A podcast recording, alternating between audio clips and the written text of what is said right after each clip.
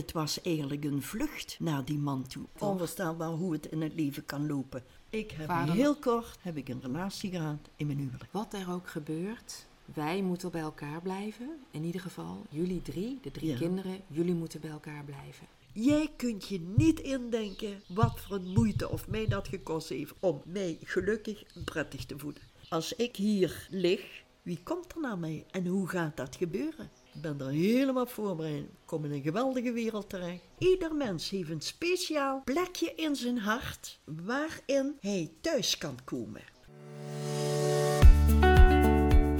Welkom, leuk dat je luistert naar de podcast over scheiding en verbroken relatie, waarin jij persoonlijke verhalen en interviews hoort.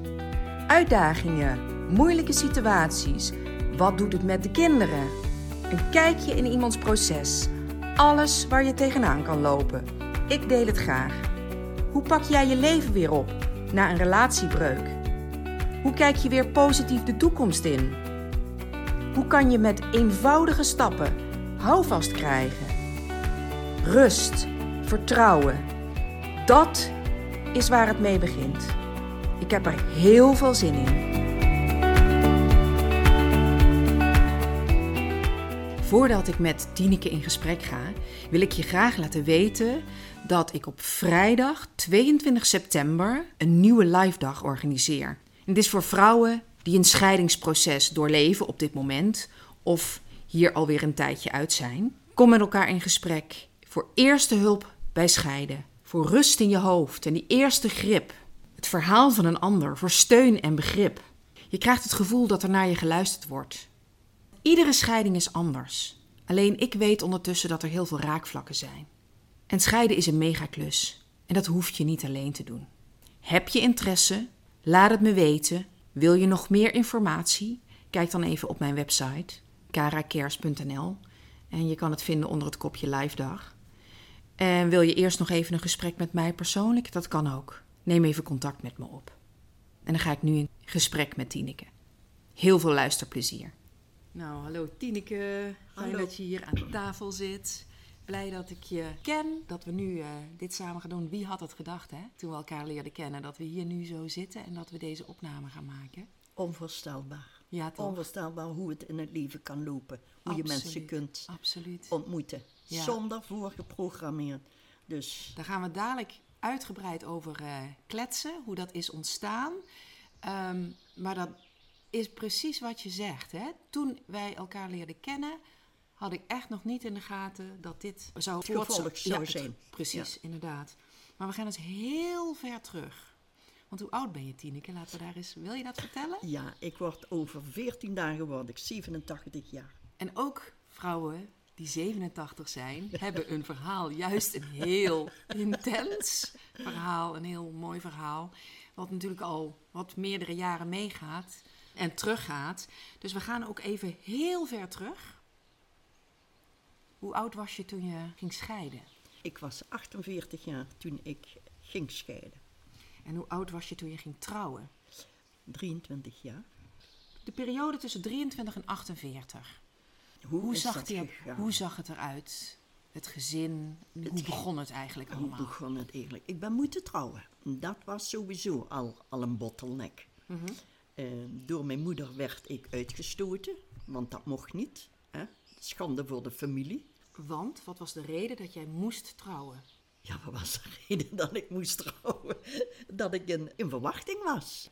En mijn, mijn vriend, die studeerde nog, die zat op de HTS in, in Heerlen. Dus dat was een probleem. Eh, zijn ouders hebben wel die studie doorbetaald. En ik heb een jaar bij mij thuis ingewoond. Maar mijn moeder maakte mij mijn leven tot een hel.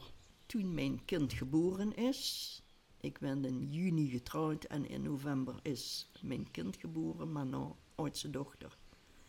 En mijn moeder heeft mijn kind, heb ik nooit gezien dat ze dat kind eens aangeraakt heeft of op de arm heeft genomen, totaal niks. En mijn zus, die had, eh, die had ook een kind gekregen, ietsjes later dan, mijn, dan dat ik mijn kind gekregen heb. En die woonden in Luik. En als die kwam met haar kind, dan werd dat vertroeteld. En op een gegeven moment stonden de beide kinderwagens buiten. Hè? Mijn zus had dan het kind thuis gebracht. En het begon het te regenen en het kind van mijn zus werd binnengehaald en mijn kind lieten ze buiten in de regen staan. Ik was coupeuse van mijn vak, dus ik naaide. En eh, mensen kwamen aan de deur. En als, als ik het niet hoorde, deed mijn moeder niet open van, van die dingen allemaal. Toen hebben de schoonouders hebben voor ons een huis gekocht in Margraten. Zijn we in gaan wonen. Ja, maar dat huwelijk, die man, ik... Het was eigenlijk een vlucht naar die man toe. Want ik voelde me ook niet thuis in dat huisgezin. Alhoewel mijn moeder, die zorgde goed voor ons. Daar gaat het niet om. Want als kind zijnde heb ik heel erge astmatische bronchitis gehad. En dan lag ik in bed en dan kon ik niet liggen. Want het werd zo benauwd. Als ik ging liggen, dan stikte ik.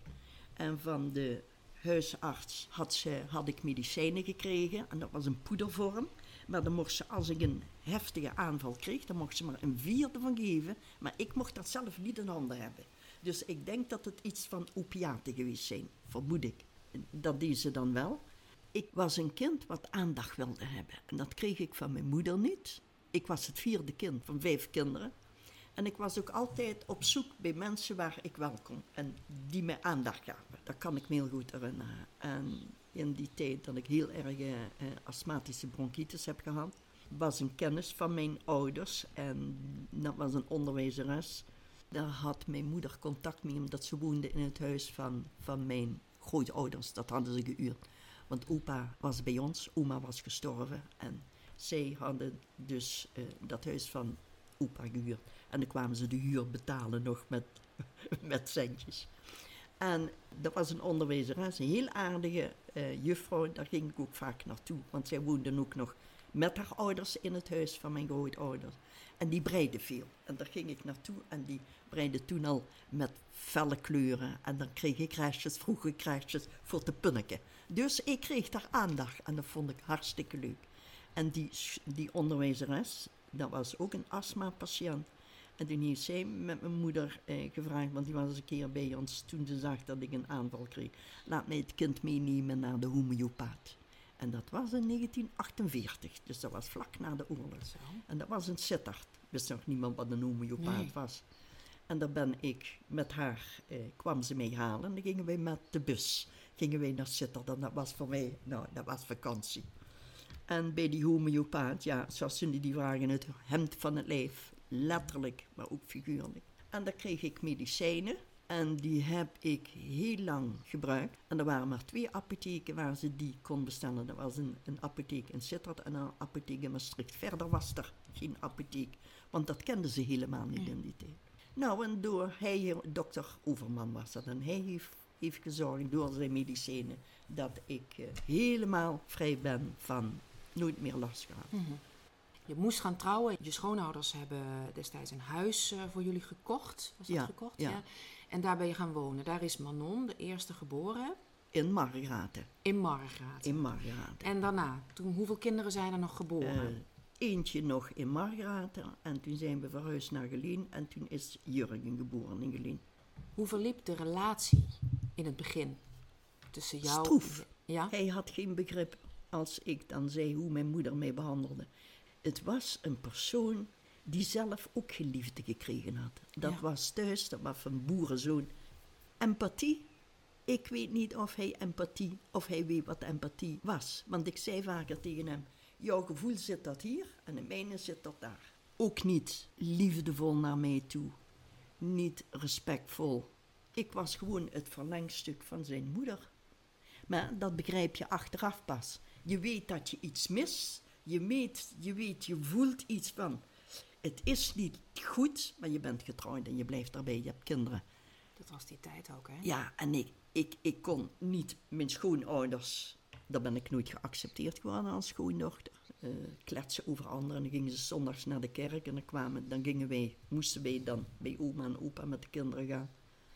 En dan nam ze de kinderen mee naar achter, naar de keuken. En dan vroeg ze de kinderen uit. Maar dan zei maar nou, ook als wij thuis waren. Mama, oma vraagt ons van alles. Zeg, dan moet je tegen oma zeggen. Als je wat wil weten, moet je dat aan mama vragen. Ja, ze bekeek mij ook altijd zo van, van, van, kop, tot, van kop tot teen. Van de komt de dan weer. Snap je, op zo'n manier. En ja, mijn moeder... Ik ben eens een keer aan de deur geweest met twee kleine kinderen. En ik had een nicht van mijn moeder, daar had ik contact mee. Dus die woonde, die woonde in de buurt. Ja. Daar ging ik nog eens naartoe. En toen, want ik wilde toch contact met mijn moeder hebben. En toen met de twee, ik denk, dan neem je de twee kinderen mee, zo'n nummertjes. Hè, dat werkte op het gevoel. Ze deed de deur open, ze had bezoek, ze kon mij niet ontvangen. Ehm,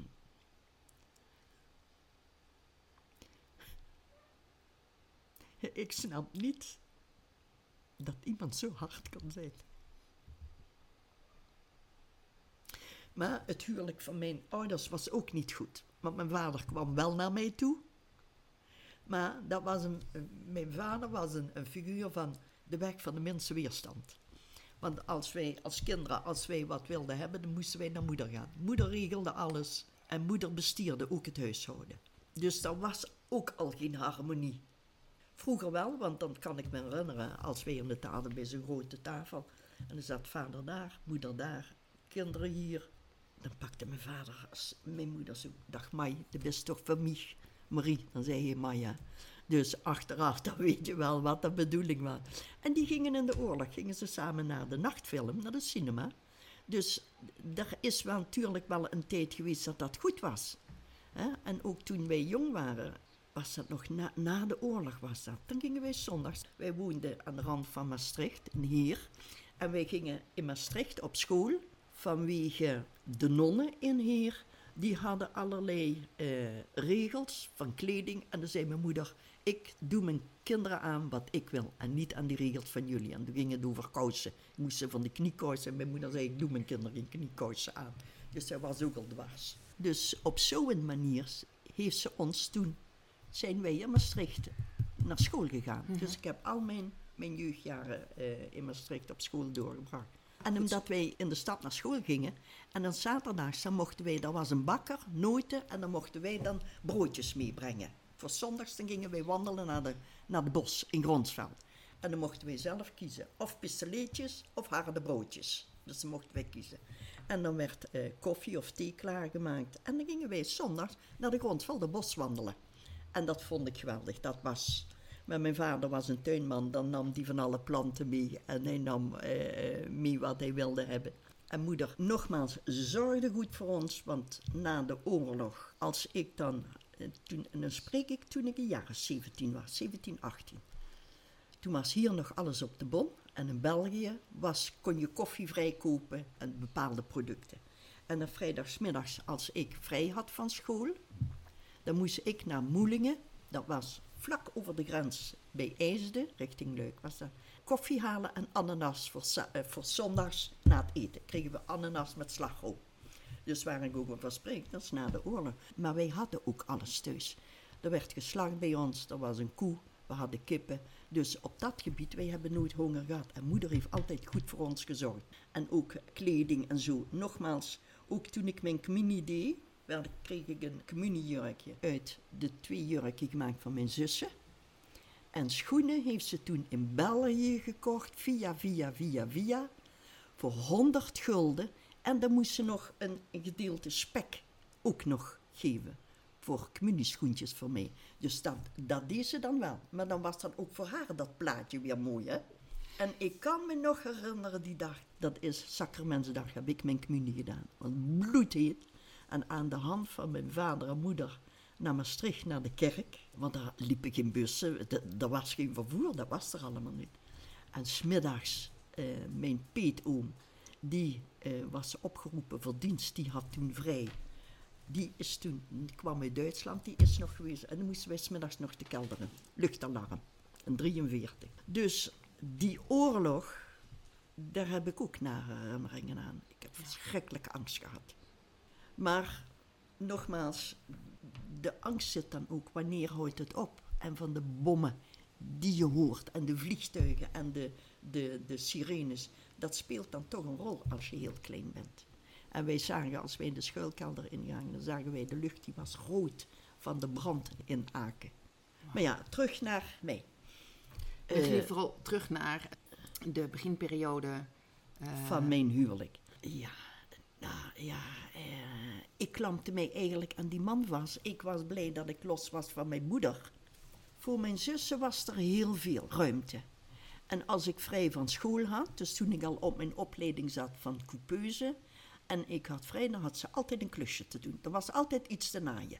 Of gordijnen naaien, of er moesten schorten eh, genaaid worden. Er was altijd iets voor mij te doen. En als mijn zussen vrij hadden, dan mochten die zich mooi aankleden en mochten ze de stad in. Ik heb me nooit thuis gevoeld, ook in, in, in dat gezin. Daarom was ik altijd op zoek naar mensen die mij aandacht gaven. Heb jij nagedacht over de reden dat zij jou niet die aandacht gaf die zij jouw zussen wel gaf? Ja, nu moet ik heel ver teruggaan. Nu wordt het interessant. Toen ik geboren ben, ik ben van 17 juli. Mijn moeder had maar één broer. Mijn oma en opa die hadden maar twee kinderen, maar zij had heel veel miskramen gehad en er waren er van de tien of elf maar twee overgebleven. En toen mijn moeder geboren werd, dachten ze ook niet dat ze bleef leven. Ze heeft het dan wel gehaald. En dan een zoon ook nog, hè. in die tijd, dat was wat. En die zoon die heeft dan gestudeerd en toen die acht was, kreeg hij een moeder. Nou, dat was wat. En mijn moeder had graag willen studeren en dat mocht ze niet. Zij moest thuis blijven. En toen mijn moeder in verwachting was, kwam haar schoonzus ook in verwachting van eerste kind. Ik was het vierde van het gezin, maar haar broer hè, met schoonzuster, die kregen een eerste kind in mee. Maar het blijkt dat mijn tante niet voldoende voeding had en mijn moeder wel. En ik denk, ik heb, ik heb er heel lang gaan naar zoeken, dat mijn moeder onder druk gezet is geworden door oma. Hè, haar schoondochter had niet voldoende melk voor haar baby en dat was een jongen. Mijn moeder had voor twee kinderen voeding, dus mijn moeder kreeg s'morgens een babytje erbij. En dat werd dan verzorgd totdat mijn oom, dus hij bracht het voordat hij ging werken, maar kwam het s'avonds ophalen. Mijn moeder had vier, was het vierde kind. Zij had ook nog een kleine boerderij, want mijn vader werkte gewoon. Hè? Dus zij moest dan en het huis houden. Dus dan kreeg ze twee babytjes te verzorgen. Ik denk dat dat onder, onder druk is gebeurd. Want zij heeft ook nooit een goede relatie met haar broer gehad. Er was altijd wrijving. Nooit gesproken waarom, maar er was wrijving.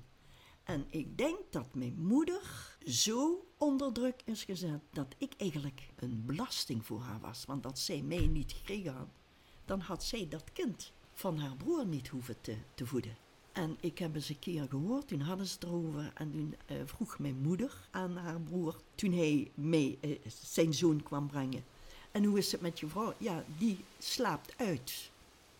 Dus dat zijn van die dingen, die kleine dingen. Mijn moeder moest dan vroeg op in alle vroegte. En dat kind dan nog erbij. Ik denk dat dat gewrongen heeft. Dat ze, want ook oma en opa, oma kwam ook niet veel bij ons. Naderhand, toen oma gestorven is, opa wel bij ons in huis gekomen. En dat ging wel liefdevol op hun manier. Maar ik denk dat daar de bottleneck gezeten heeft. Ja. En toen ging jij uit huis. Toen ging jij samenwonen. En ben je getrouwd. En, en, en toen? Oh, op mijn trouwdag, mijn moeder heeft mij helemaal niet gefeliciteerd. Die is ook niet mee naar de kerk geweest.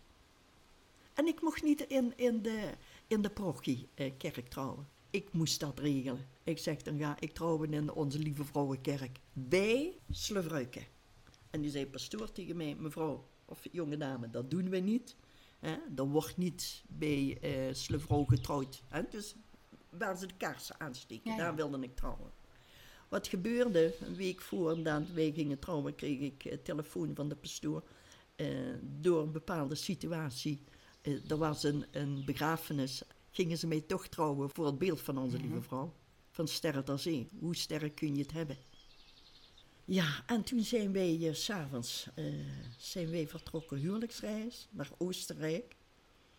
Ja, en, en daarna een jaar, ruim een jaar heb ik thuis gewoond. Dat was, eh, oh wat heb ik daar gehuild. Verschrikkelijk. En mijn moeder, die was zo hard naar mij toe.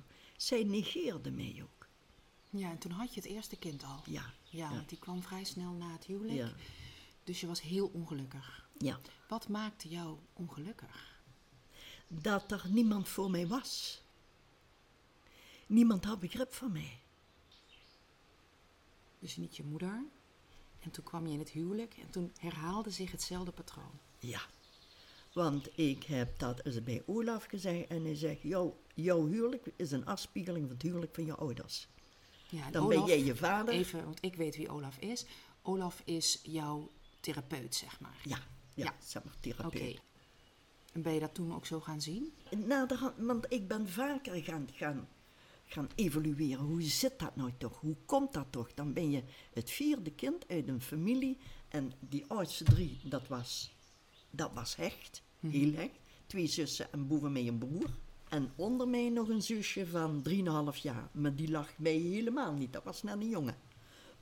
De karakters lagen heel ver Ja, uit kan. elkaar. En ook toen ik ziek was als kind van mijn zusjes kreeg ik ook, ook geen, geen belangstelling. Die kwamen niet eens naar mij kijken. Dus in feite heb ik, al, heb ik altijd op mezelf moeten rekenen. Ja. Heb ik mezelf staande moeten houden. Kan je nog herinneren hoe je dat deed? Hoe doe je dat als je in een situatie zit, Cara? Dan probeer je te doen wat je denkt wat het beste is. Ja. De enige waar ik een beetje steun in had, dat was de nicht van mijn moeder waar ik toen was. Toen ze mij van de deur stuurde. Je bent jong, je hebt geen levenservaring. Dan kijk je naar andere mensen, maar omdat je geen levenservaring hebt, zie je niet waar het aan, eh, waar het aan ontbreekt. Door de ervaringen. Als je ouder bent, dan ga je met meer mensen om en dan zie je, dan vergelijk je. Dan kun je zien hoe mensen met elkaar omgaan. En dan zie je dat mensen heel gelukkig kunnen zijn, ook na jaren huwelijk. En bij ons was het een, eigenlijk een gevecht, een overleven.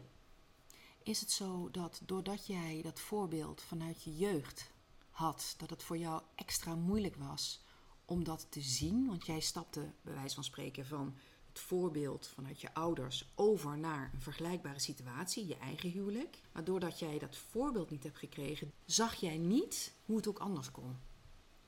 Dat wilde ik, maar ik zag het niet. Dat ik nog geen zicht had op hoe het wel kon.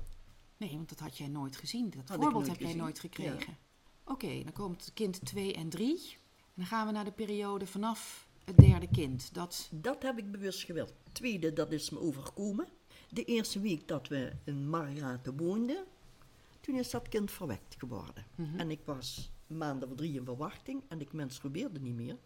En die ging ik naar mijn dokter. Ik zeg, dokter, ik menstrueer niet meer. Nou zegt hij, gaan we jou eens onderzoeken. Nou, je bent in verwachting. Ik zeg, dat kan niet. Nou, je hoeft niet lelijk tegen mij te doen. Ik heb er een graandeel aan, zei die dokter. En ik eh, droeg een mantelpakje van die tailleurs. Ja, en ik was niet misselijk, dus eh, ik was al halverwege. Kreeg ik altijd te horen, dat kan niet, dat is niet van mij, mijn ex-man. Dus niet blij. Dus dat zet ook al een domper. En Jurgen heb ik gewild. Ja, dat was, woonden wij in Geleen. Even terug naar die zwangerschap. Nou lijkt het alsof je de tweede niet hebt gewild. Deze tweede kwam onverwachts. Ja, Ik ga ervan uit, want ik ken jou Tineke, dat het wel heel welkom was. tuurlijk, want ik was blij. alleen- Jij was Ik heel was blij, blij, alleen je ja. kreeg daar niet de bevestiging van. Ja. Dat moest je dus weer alleen doen. Ja, En toen werd het nummer twee geboren. eh, Jij was blij. ik was blij. Ja. Ja. En En dat werd een jongen, hè? Een jongen, ja. Ja. En wat gebeurde? Ik had een aardige buurvrouw, maar ook een beetje op afstand. En ik lag in bed en er waren, eh, vanuit bed had ik gezegd, je moet naar de bakker gaan en het kind wordt gedoopt. En de buurvrouw kwam en ik weet nog niet, oh mijn vader die zou naar de hand komen. Die kwam na, wel naar me toe, maar bemoeide zichzelf niet. Hij zei, ik heb het zelf moeilijk genoeg met je moeder. En dus geen man van daden, eh, een man van, van de mensenweerstand. Maar ja, toen werd van alles eh, besteld en beneden zaten ze. Op een gegeven moment kwam de buurvrouw vragen of ik ook wat wilde. Ik zeg ja, ik had graag een stukje kersenvla gehad. Alles was op. Dus zo ging dat. Dan zie je al dat er geen binding is. Ja, hoe moet ik dat zeggen? Er werd geen rekening met mij gehouden. Kan je je misschien ook voorstellen dat de andere kant, dus degene die volgens jou geen rekening met je hielden, dat misschien anders zien? Ja, tuurlijk hebben die dat anders gezien, Ja. want die vonden dat normaal hoe ze met mij omgingen. Ze hebben nooit gevraagd van wat wil jij? Of wat vind je prettig? Dat werd mij nooit gevraagd. Ik heb alles moeten regelen. Daar kreeg ik ook geen steun voor. Dus ik had net zo goed op een eiland kunnen zitten en eh, bekijk het maar. Je bent moeder van drie kinderen en je hebt een huwelijk. We gaan ze even Ja. loskoppelen. Ja, als moeder, was jij gelukkig met de kinderen? Ja, ik was heel blij met de kinderen. Wat voor moeder was jij? Zorgzaam. Blij met de kinderen ook spelletjes doen en met ze ergens naartoe gaan. En eh, leuke kleding voor hun maken of kopen. Ja, Ja, ik was coupeuse. Tuurlijk, die naaimachine stond altijd bij ons. Naaimachine en de strijkplan. Stond altijd op tot mijn na op een gegeven moment zei... Ik wil iets uit de winkel hebben, want ik krijg altijd alles zelf gemaakt. Hoe oud was ze toen? Mano was toen 13, 14 jaar. Ja. Mijn neef trouwde, dus een zoon van mijn moeders broer. En toen zijn wij naar de, naar de receptie gegaan. Dat was eh, mijn vechtgenoot en Manon. Want die twee anderen die wilden niet mee. Eh, wij hadden gefeliciteerd en er zat een groepje in een hoekje. De dames wat uitgenodigd, familie. En mijn moeder zat er ook bij. En dat hoorde ik na de hand van mijn tante. En er zei een goeie, dat was een, een eh, familie, die zei: Marie, daar is je dochter met schoonzoon en je kleinkind. En ze keihard, dat is mijn dochter niet. Dit hou je toch niet voor mogelijk? Het was dus zo, als ik het goed begrijp, uit je verhaal, dat jij geen contact meer had met je moeder. Ik zeg je toch, mijn vader die kwam wel naar me toe. Maar mijn moeder, nee. Dus die, zij kwam niet meer bij jou thuis toen jij de kinderen hebt gekregen. Nee. We gaan even verder. Wie was jij als moeder voor je kinderen? Ja, zorgzaam, blij met mijn kinderen. Ja, ik was er voor de kinderen. Ja. Want jij- heeft mij eens een keer van weten. Je bent net een kloek, je wil ons maar, maar on- on- on- onder je rokken houden. Mhm. Dus dat zeg je eigenlijk genoeg, hè?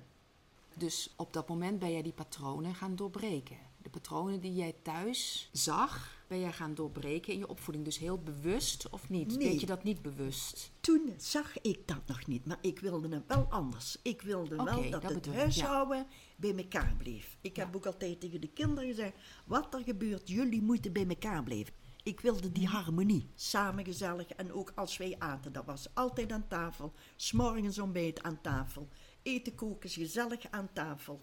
Gezamenlijk doen. Leren harmonie te creëren in, in huis. Maar als dan vader alleen maar belangrijk vindt om te gaan werken en s'avonds verzorgd te worden en verder met de opvoeding heeft hij zich helemaal niet bemoeid, dat heb ik gedaan. Ik ben vader en moeder tegelijk geweest. Dat hebben ze mij al verschillende keren gezegd. Dat hoor je nu nog steeds hoor. Dit soort rollen, hè, die, Ja. die kunnen Vader ontstaan. gaat werken en ja. verdient geld. En moeder krijgt de kinderen en ze mag ze verzorgen en opvoeden. Maar goed, het is natuurlijk van beide kanten. Hij pakt die rol om te gaan werken. Jij pakt de rol de kinderen Ja. te verzorgen en het huishouden. Ja, ja, ja. En je laat het ook gebeuren. Gebeuren. Omdat je nog niet beseft en doorhebt hoe die rollen verdeeld zijn. Ja. En het is natuurlijk ook wel een andere tijd. Ja. De tijd van nu Ja. is ook weer anders dan dat het toen was. Hè? En Ja. ik snap dat, Ja. je daardoor nog, dat het dan nog lastiger kan zijn om je daar, om daaruit te breken. Verschrikkelijk. Ja. Als een vrouw die ook heel zelfstandig is. En Ja. Oh, hè, toch? Want je komt ook wel echt op voor jezelf. En toch laat je je in zo'n rol. Ja, maar je hebt ook geen keus.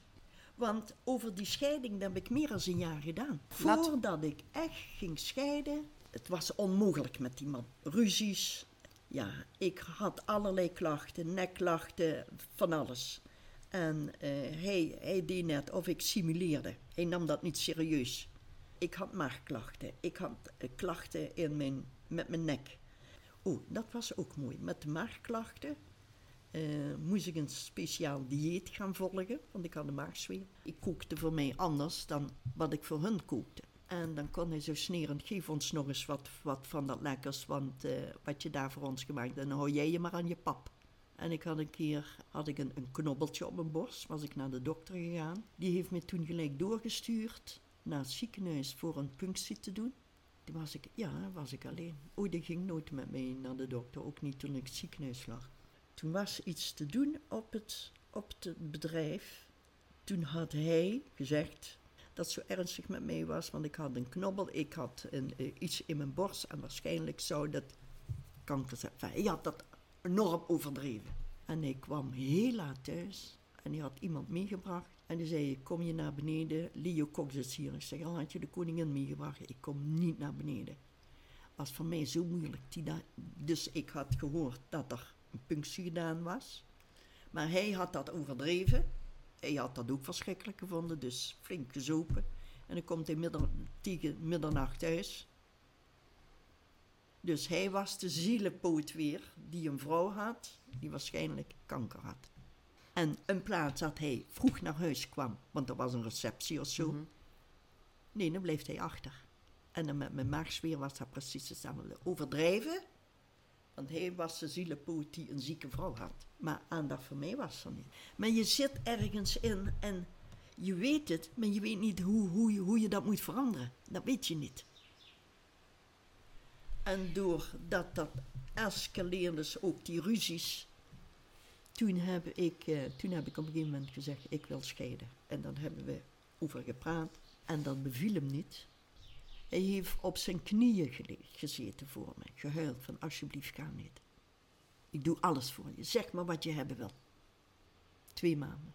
En dan wordt het nog veel Dus erger. je hebt het toen opnieuw geprobeerd en na twee Ja. maanden herhaald. Weer, weer hetzelfde, terug, heel ja. langzaam aan.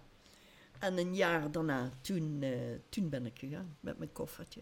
Mijn buurman heeft me toen gebracht naar de FIOM. Weet je wat FIOM Ja. is? Ja, die en ik had gezegd, je mag niet zeggen waar je mij naartoe hebt gebracht. En niet zeggen dat jij dat gedaan hebt. En toen ik daar was...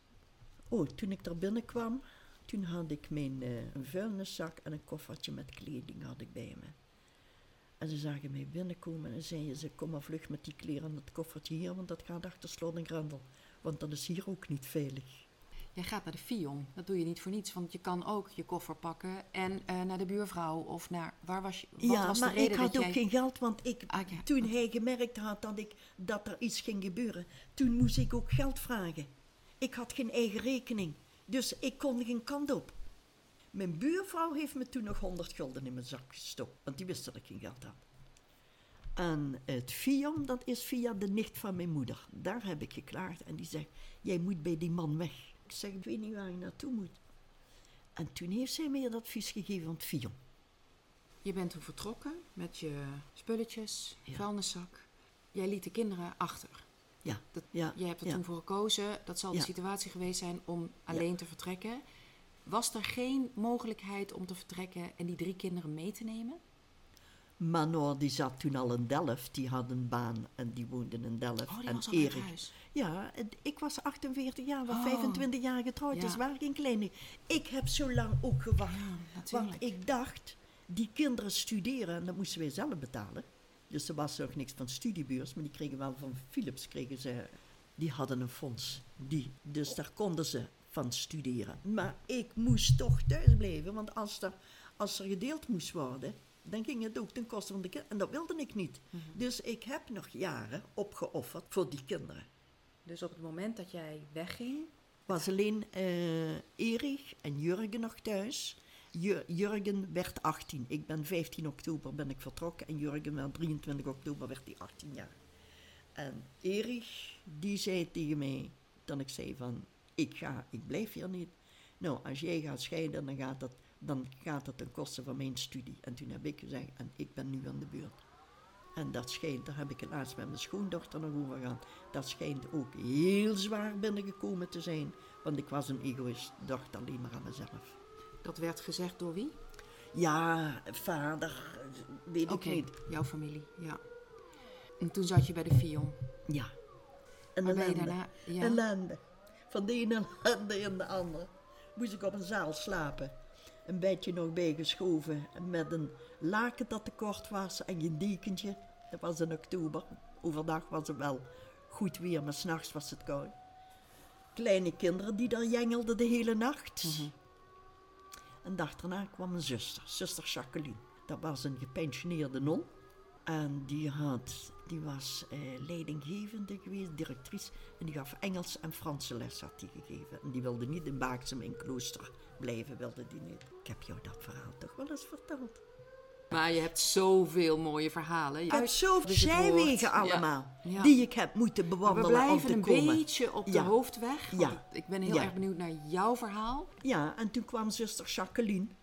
En dan was het de tamtam, die was al geweest. En die zeiden, oh, daar komt de, hoe zeiden ze, de haaienbaai of de directrice, weet ik niet. En we zaten s'morgens aan de ontbijttafel en ik huil, ik heb niks anders gedaan dan gehuild. Ik voelde me zo verloren. Ik denk, wat, wat, waar ben je aan begonnen? Maar ik wilde weg. Er was geen, geen, geen idee van terug. Ik denk, daar komt een oplossing. Toen begon zuster Jacqueline, die begon toen eh, de lakens uit te delen. Die moest eh, poetsen en die moest dat doen en die moest dat doen. En er waren dametjes die met een klein babytje waren. En die hadden al een taxi besteld. Die gingen de stad in. En die wilde zuster Jacqueline mee aan het poetsen zetten. En wat was gebeurd? Een paar dagen van tevoren. Er was een handgemeen geweest met mijn ex. Die had, wij woonden in een bungalow, maar dat waren eh, het slaapgedeelte. Er waren een paar trappetjes naar boven, dus dat was wat hoger. En dan hadden wij een handgemeen op de slaapkamer. En ik liep, wilde naar beneden gaan. Hij liep mij achterna. Die wilde mij over dat hekje gooien, naar beneden. Toen heb ik mij verweerd en toen heb ik mijn, mijn rechterhand heb ik flink verstuikt, want die was in één keer zo dik en ik had verschrikkelijk pijn. Daar was hij wel een beetje van geschrokken. Toen ben ik naar de buren gegaan en toen heb ik, hebben die de politie gebeld. En toen is de politie gekomen, want hij wilde me niet binnengelaten, meer laten. En de politie moest hij binnenlaten. En dan begon hij van wat ik allemaal niet gedaan had. En dit en dat. En hij zei, nou, ik zat aan de caravan wel op de, op de markt. En dan kan ze, daar kan ze dan eh, logeren. En dan heeft ze een onderkomen.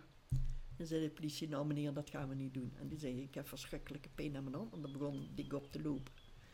En dan zei de politie, ja, dan moet u toch even naar de, naar de eerste hulp gaan. Ja, ik breng er aan. Dan zei de politie, niet alleen met die man gaan. Dan gaan de kinderen mee. Maar die waren ook wakker geworden. Toen is hij nog naar Parijs geweest. Ja, naar de Salon d'Automobile met een van de kinderen. En toen had hij de verwarming had hij uitgezet. Er was niks in huis voor te eten en ik had geen geld. Toen heb ik iemand gebeld van het bedrijf. Die heb ik de verwarming aan laten zetten. En toen ben ik bij de buren geweest voor eten. Dat was voor mij wat, eh wat eh deed voorlopen. Toen, want toen heb ik contact gehad met mijn, die nicht van mijn moeder. En die had gezegd, ik heb voor jou geïnformeerd. Ga maar naar het Vion. Ja. En zodoende heb ik contact opgenomen met Vion. Maar je bent dus naar het Viom gegaan. Ja. Waar en toen? Want we En gaan toen, even en toen kwam verder. zuster Jacqueline. En toen dacht ik, nu ben je on- onder een, een, een tirannie eh, weg en nu begint het weer opnieuw. Dus dat schakelt dan. Je herkent weer iets van, je moet weer. Dat iets wordt opgelegd van moeten. En toen zei ik tegen die zuster, ik heb drie kinderen gehad. En ik heb gepoetst en ik heb gezorgd. Ik zeg, en ik ga niet voor die dames, omdat het hun, omdat ze kinderen hebben lastig, voor die pier poetsen. Ik zeg, ik dacht het niet. En ik heb mijn, mijn hand versterkt. Dat doe ik niet.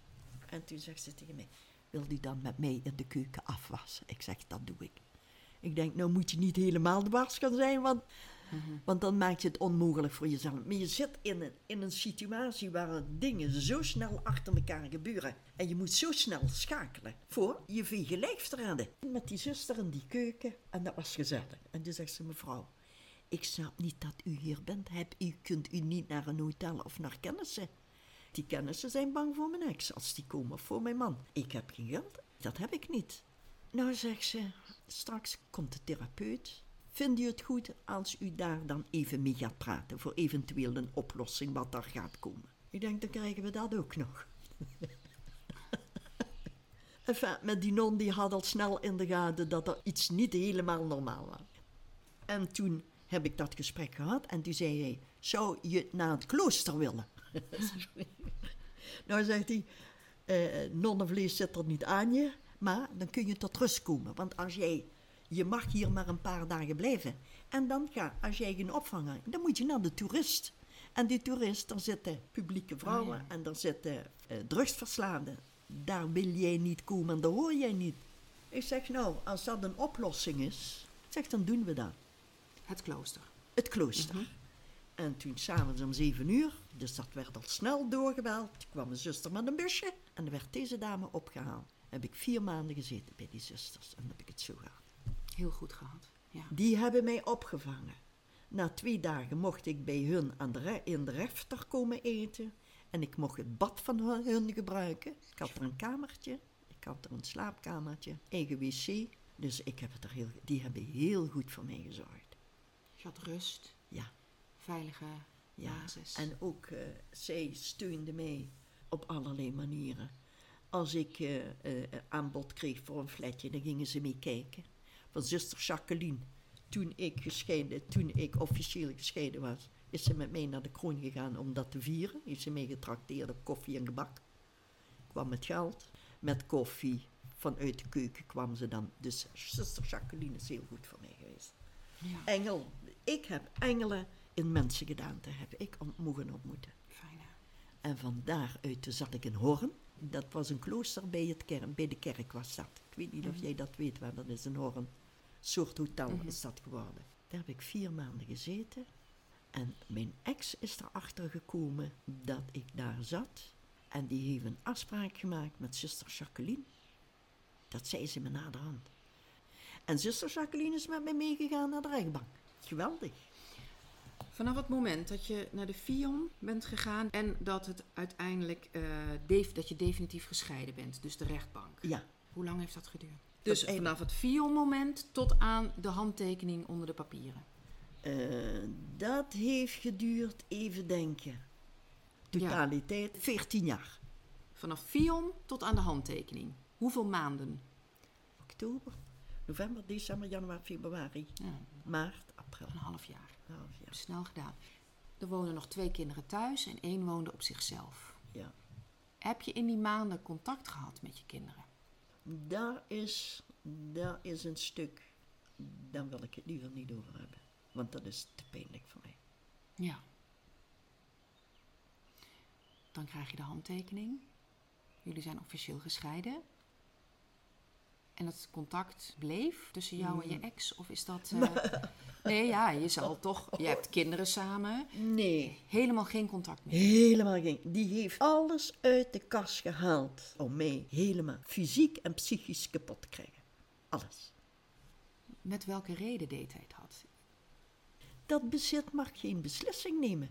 Als hij me aan de kant had gezet, was het veel anders geweest. Op zijn werk heeft hij dat een hele tijd verzwegen dat ik weg was. Maar hij dronk. Hij was constant, was hij dronken. Hebben ze hem op het bedrijf aangesproken. En hebben ze ook gezegd, u moet vertellen wat er aan de hand is. Dat ego. En mijn naam, ik was een sloerie. Ik heb heel kort heb ik een relatie gehad in mijn huwelijk. En dat is geweest toen ik in Margraten woonde. In de begintijd. In begintijd. Wij zijn daar komen wonen in 19... Even kijken, in 1958. Ja, maar nou is in 59 geboren. Nee, in 60 zijn wij daar gewoond, ja. 1960. En mijn man kreeg na een jaar een baan bij Philips in Eindhoven. Weekends kwam hij naar huis En door de week bleef hij over. en bleef hij over. En mijn buren, die hadden een Renault en die hadden regelmatig wat aan dat autootje. En daar was, waren ze naar de garage geweest. Waar op een gegeven moment kwam een inspecteur persoonlijk naar kijken wat er aan de hand was. Maar die hadden geen telefoon. Toen kreeg ik telefoon vanuit Eindhoven, van de Renault. Of een meneer Verhoeven, die was bij de buren. Of ik hem aan de telefoon wilde halen. Want de buren hadden geen telefoon in die Mhm, tijd. ja, ja. Vroeg ik aan de buurvrouw, ik zeg, is een meneer Verhoeven hier van de, van de Renault? Ja, zegt ze, die is hier. Ik zeg, nou, dat is telefoon voor die meneer. Als hij straks klaar is, of hij bij mij dan wil komen bellen. Zodoende heb ik die meneer leren kennen. En die vond mij wel aardig. En die kwam vaker naar het zuiden. En dan logeerde hij in Maastricht. En dan ging hij met de kinderen. Wij gingen overal naartoe. En dan kocht hij snoepjes voor de kinderen. Dus ik kreeg de aandacht. Wat ik uitgesproken heb. Eigenlijk onmogelijk. Was een keer, eh, kreeg ik bericht dat er een, een moedershow was in Aken. En dat was, met een lunch was dat daarbij. En dan heb ik gezegd, Peter, ik vind dat wel leuk. Zou jij met mij naar Aken willen gaan? Is ze met mij naartoe gegaan. Maar dat was een heel lieve, aardige man. En hij was ook leuk voor de kinderen. Ja, ja, dat gebeurt dan. In bed lag ik als een plank. Dat kon ik niet. Dan zei je, laat je toch eens gaan, laat je toch eens verwennen. Want dat kreeg ik ook niet tegen mijn man, heb ik vaak gezegd. Ik wou dat ik jou ergens kon sturen, kon sturen om te weten hoe je met een vrouw om moet gaan. En op een gegeven moment, wij woonden in Geleen. Wij waren verhuisd. En toen kreeg ik telefoon en dat was Peter. En mijn ex lag in een stoel te slapen in de serre. En ik was in de kamer en hij heeft dat gehoord. En toen heb ik kleur bekend. Dat heb ik toen verteld. Er is heel veel gesproken. Hij heeft het mij vergeven. En toen wij gingen scheiden, toen heeft hij verteld dat een van de kinderen van Peter was. Heeft hij overal rond zijn. Hier is een koekoekskind. Toen ik weg was, die man heeft mij, mijn naam heeft hij op allerlei manieren heeft hij bezoedeld. Ook nog eens een keer bij mensen eh, geweest, want dat heeft die meneer mezelf verteld. Want Jurgen die was in dienst en die wilde ik met zijn verjaardag een kaart sturen. En ik wist niet waar ik zat, ben ik naar de gemeente gegaan in Weert. En toen kwam een meneer naar mij toe en die zegt, bent u mevrouw, dat is mijn ex, ik heet Bovens. En hij zegt, ik ben die dat van de Ruben slaan. Ik zeg, ja, ik zeg, want ik kom voor informatie over mijn zoon. Nou zegt u, eh, uw man is bij mij thuis geweest aan de deur. En hij, mijn dochter deed open, want hij dacht dat het mijn vrouw was. En die zei van, uw man heeft een relatie met mijn vrouw. Ik zeg, meneer, hoe komt u daar dan bij? Zeg, want ik ken u helemaal niet. Maar dat bleek, die man heeft vroeger, die had vroeger, voordat hij bij de gemeente ging werken, had hij in parketvloeren, had hij, was bij een firma. En daar had ik het adres van. En daar heeft hij dat adres gevonden en hij dacht dat ik met die man een relatie had. Hoe gestoord kun je zijn om zoiets te doen? En wat is dan ook nog? Omdat hij bij technische bedrijven zat, had hij veel te doen met de, met gemeente. En die man werkte door. On publiek heeft hij zijn excuus moeten aanbieden aan die man. Dat vond ik chic toen ik dat hoorde. Maar van wat ik gedaan heb, heb ik geen spijt van. Ook niet die relatie met Peter. Jij vertelde straks, wat er ook gebeurt, wij moeten bij elkaar blijven. In ieder geval, jullie drie, de drie Ja. kinderen, jullie moeten bij elkaar blijven. Wat is er dan toch misgegaan? Met zo'n vader. Is die dan in staat om kinderen bij elkaar te houden? Als het hem niet zin. Liegen. Liegen en bedriegen. Dusdanig grote leugens die zo diep ook in die kinderen zijn gaan zitten, dat ze uiteindelijk ook het contact met jou hebben Ja. verbroken. Ja. Met Sandra, want ik krijg nu meer informatie. Zij zei, ook toen zij bij me is geweest met Kleinzoon, kleinzoon, daar heb ik heel kort contact mee gehad. Zij zei, Jurgen is helemaal gehersenspoeld, dat is jouw zoon. mijn zoon. En als er gepraat werd, dan liep hij weg. Er werd niet gepraat. Maar als ik al zeg dat hij dingen kan overdrijven, heel groot uitvergroten, niet de waarheid vertellen. De aandacht moet naar die man gaan. Het is Ja, een groot ego. Heel groot ego. Als ik teruggegaan was, dat was een, nog erger dan wat ik nu heb gehad. Ik had de kans niet meer gekregen om weg te gaan. Want Ja. hij heeft wraak genomen. Ja, ja, En jouw krijgen. invulling is over de rug van de kinderen. ja, ja. Dus heeft jouw kinderen, jullie kinderen ingezet. ja. Willens en wetens mijn kinderen gebruikt. En als ik dan hoor van Sandra, om de haverklap hebben ze ruzie, dan spreken ze niet met die, en dan is dit, en dan is dat. En ze hebben geen contact onderling. Helemaal niet. Oh, die kinderen hebben ook geen contact Ook geen onderling. contact. Nee. En ik heb een foto gezien van mijn jongste zoon. Als je eens een keer bij me komt, laat ik jou dat zien. Hoe ongelukkig hij eruit ziet. Hij steekt niet in een goed vel en je is diep ongelukkig. En je heeft geld, je heeft alles wat hij hebben wil. En Manon heeft borstkanker gehad, is wel bij de vader geweest. Mooie gelegenheid om moeder te bellen, hè? Dat Ik- doet pijn. Ik besta van die kinderen niet. En dan vind ik het nog knap hoe ik uit die hele situatie gekomen ben. Ja. Jij zegt altijd dat je ondanks alles wat je hebt meegemaakt, dat je een heel tevreden mens bent. Dat ben ik ook. Ik heb daar zo diep respect voor. Hoef je geen respect voor te Nou. hebben. Het is gewoon, ik heb gedaan wat ik dacht dat ik moest doen. Altijd. Ja. Altijd. En, en, en een moraal erop nahouden. Maar je hebt er wel een hoge prijs voor moeten betalen. Heel hoog. En jij kent me nu, nu weet je heel veel van mij. Ja. Nog meer dan wat ik voorheen verteld heb. Wat mankeert aan mij dat ik geen vriendschappen heb? Alles waar ik mee in contact ben gekomen. Er schijnt toch iets aan mij te zijn wat mensen afstoot. Terwijl ik toch liefde heb voor de mensen. Ik heb een goed hart, dat mag ik van mezelf zeggen. En ik bedrieg niet en ik lieg niet. Ik denk dat je de verkeerde mensen tegenkomt. Waarom kom ik dan geen goede mensen tegen? Nou, dat ben ik niet helemaal met, je eens. Want ik hoor ook verhalen dat je... Wij hebben goed contact. En je komt Sandra Ben tegen. Ja, En Olaf. Er Ja, zijn een heleboel maar mensen. Kijk, je, Ik, die mensen die ik heb, dat zijn die. Maar ik wil een vriendin hebben. Die waar ik wat meer contact mee heb. die vraag die stel jij zo. Heb je dat zelf al eens proberen in te vullen? Heb ik me afgevraagd. Wat? Maar ik ben direct, hè. Ik ben direct. Ik draai daar niet omheen. Schijnbaar kunnen mensen dat niet. Vinden ze dat dan niet aardig? Dat overvalt hen. Maar ze doen niet de moeite om mij echt te leren kennen. Sommige mensen vinden dat moeilijk om daarmee om te gaan. En dat betekent niet dat je je moet aanpassen. Helemaal niet. Ik blijf wie ik ben. Dat bedoel ik, ja. Want ik hoor jouw directheid ook. Maar als ik daar moeite mee heb, is dat aan mij Ja, en niet maar aan, aan nou jou. vertel mij dan wat mijn directheid is. Ik weet niet wat dat is. En dat ik ben wie ik ben. Nou, wat jouw directheid is, is dat jij een hele sterke mening hebt. Jij hebt een heel sterk beeld van bepaalde zaken. Of dat nou de maatschappij is, het medische traject. Snap, snap je wat ik Mm. bedoel? Daar heb je een heel duidelijk beeld bij. En ik denk dat sommige mensen Dat te moeilijk vinden? moeilijk om daarmee om te gaan. Geef jij mensen de ruimte om ook hun mening te mogen hebben? Of kan je daar soms overheen walsen?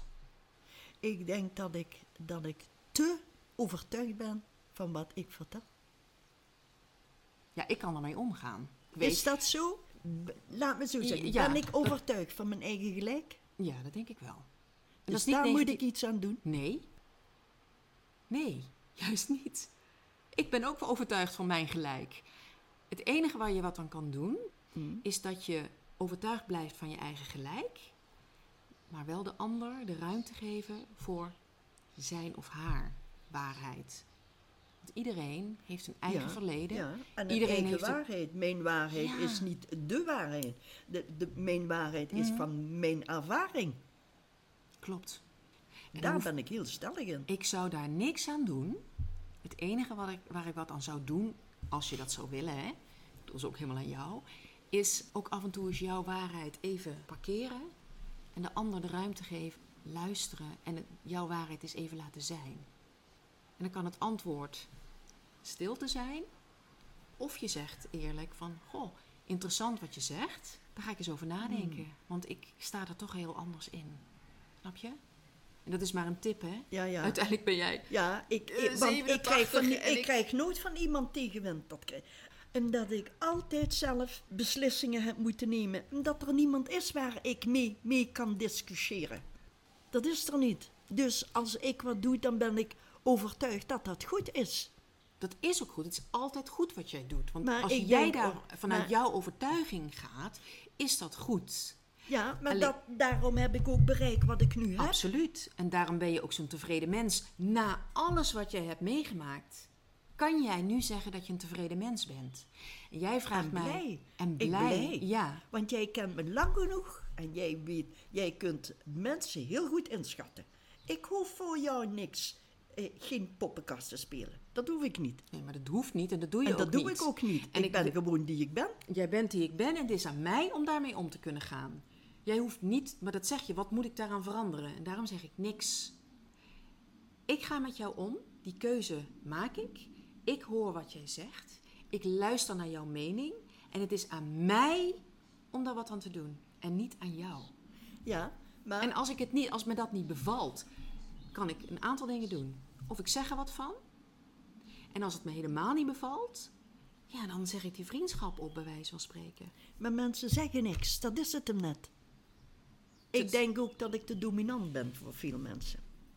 Is dat je wel eens gezegd, ook vroeger? Nee, ik merk dat de mensen. Dat merk ik. Maar dat zeg ik toch. Ik krijg, ik krijg geen respons van wat er dan aan mij mankeert van mensen. Nee, ze blijven ze gewoon weg. Het, het kan zijn dat het ingevuld wordt als dominant. Hè?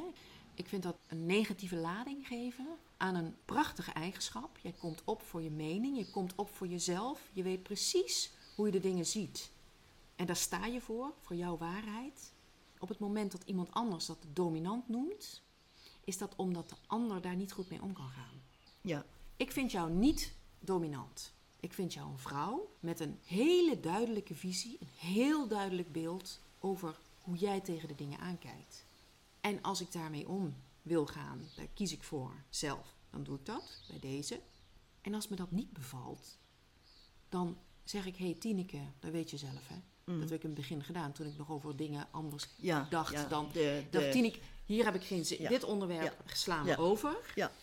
En dat heb En- ik ook geaccepteerd. Absoluut, absoluut. Ja. Dus op het moment dat iemand zegt dat hij jou dominant vindt, is het aan de ander om daar een keuze in te maken.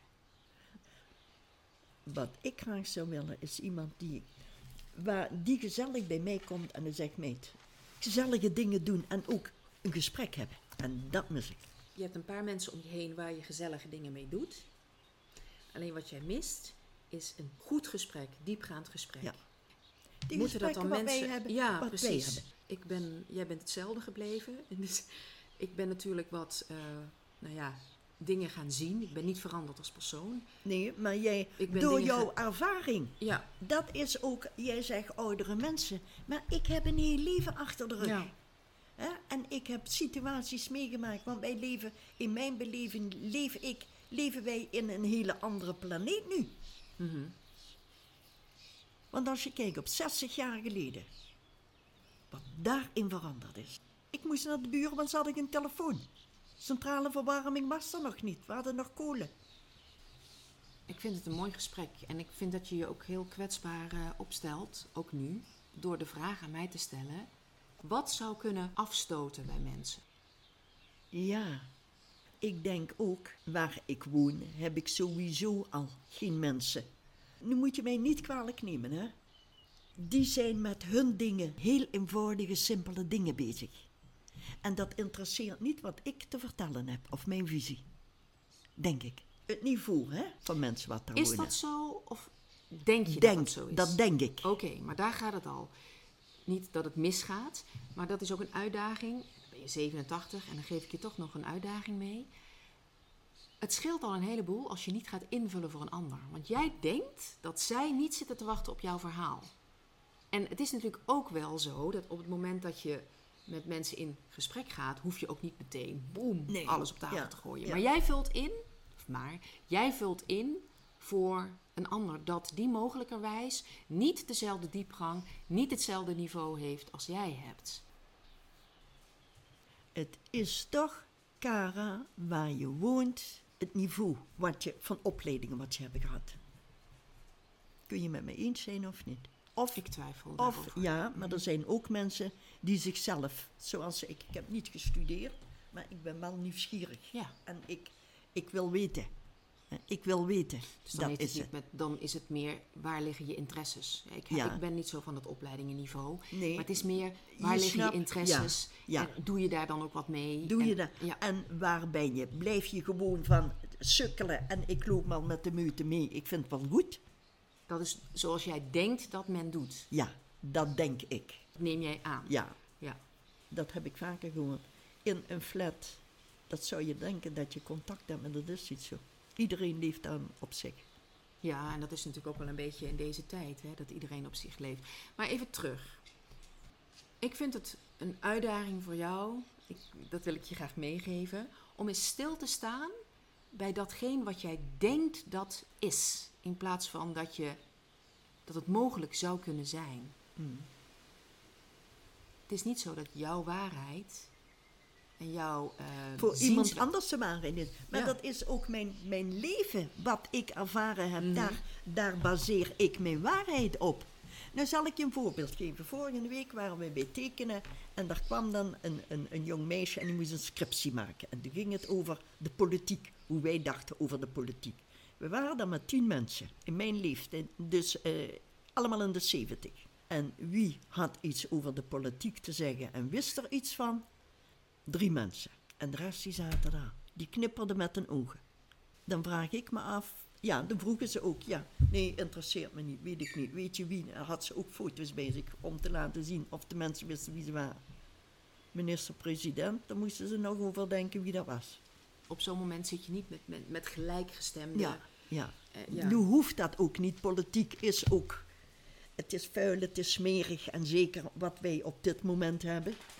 Maar ik bedoel maar, dan zijn dat ook mensen van een bepaalde leeftijd. Die hebben toch ook gestemd. Die zien toch ook dat het misgaat. Die leven in een hele andere wereld.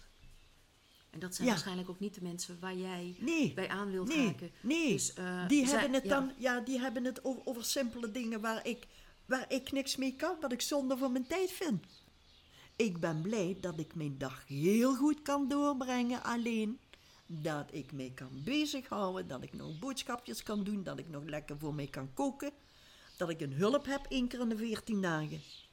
En dan s'morgens denk ik, oh, ik krijg weer een dag. En dan maak ik daar wat van. Ik kan niet uitdrukken hoeveel moeite of dat gekost heeft om mij prettig te voelen, ondanks dat ik heel weinig vriendschap heb. Om maatjes met mijzelf te zijn, laten we zo zeggen. Ja. Ik vind dat ik dat heb. Daar heb je wel een, nogmaals een hele hoge prijs voor moeten betalen. Ja, Om tot hier te komen. ja. En dan ben je 87. Maar wat iets, geweest. wat iets toevoegt, is contact met mijn schoondochter. Die geeft mij zoveel, dus dan krijg ik toch wat terug. Je weet natuurlijk niet hoe jouw kinderen, wat die allemaal hebben mo- moeten doorleven. Waardoor zij keuzes hebben gemaakt. Waardoor zij nu staan waar ze nu staan. Ja. Dat weet je niet. Nee, dat weet ik ook Want niet. jij, jij zegt van, ik krijg van mijn schoondochter meer dan dat ik van mijn dochter ooit heb Ja. gekregen. Dat is heel pijnlijk om te horen, hè? Eh, voor mij.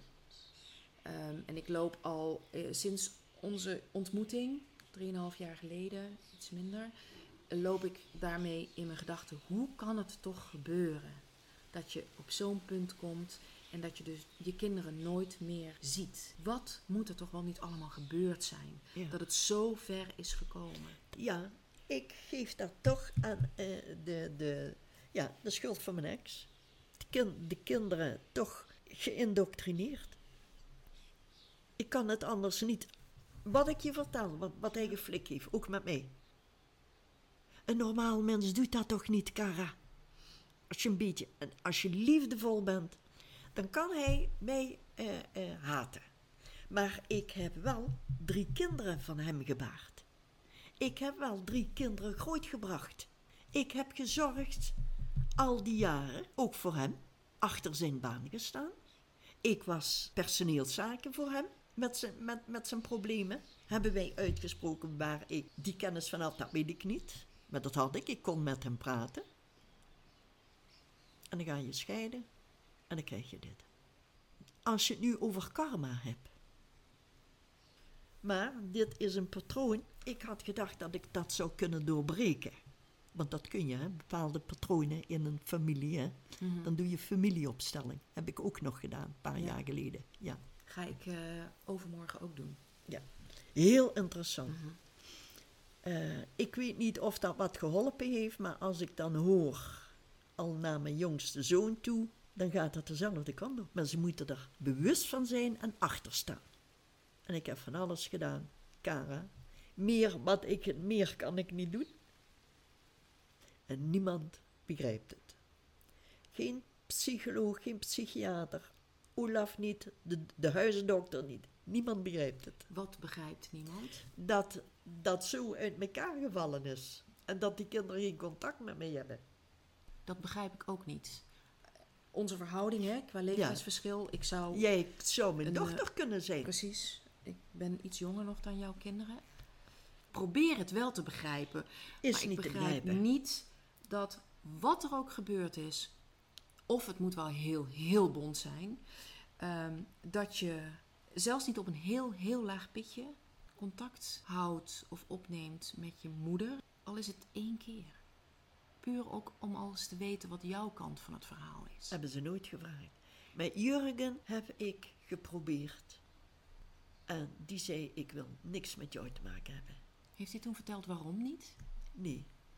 En Sandra heeft gevraagd, praat ik niet over, zegt hij dan. En ik heb nog eens een keer eh, Frank Vangman, daar bridge ik mee. En daar heb ik het ook met hem over gehad. Die zegt, Janna, ik ga toch eens kijken of ik contact met jouw zoon kan leggen. En ik wist niet precies waar Jurgen was. Nou, zegt Frank, dat voor mij geen probleem. Ik, ik ga dat opzoeken. En toen heeft hij contact met Jurgen gehad. En toen heeft Frank gezegd, je moeder, hè, die zou graag contact met je willen hebben. En toen zei hij van, eh, ik ben zelf gescheiden en ik heb, moet voor mijn zoon zorgen. Ik heb op dit moment geen tijd. Nooit meer iets van gehoord. Niemand begrijpt Nee. elkaar. En ik ben goed voor mijn kinderen geweest. Echt. Daar hoef je niet aan te twijfelen. Daar Dat heb ik ik nooit aan getwijfeld. Maar nou kreeg hem, had eh, geschreven op een advertentie in, eh, in een vakblad. En toen had ze in, dat, in een vakblad gelezen dat ze in Delft iemand vroegen voor een zandzeep en soda winkeltje. Weet je wat dat is? Klinkt leuk. Zo'n zo'n klein drooggisterijtje was dat. En daar kwam ze mee thuis. Vader die kraakte dat helemaal af. En toen heb ik gezegd, maar nou, als jij dat wil doen, dan ga ik met jou naar Delft toe. Enfin, ik ben met haar naar, eh, naar Delft geweest en ze heeft die baan gekregen. En na de hand was het pa die met het verhaal aan de wandel ging. Ik ben met haar naar Delft gegaan voor die baan.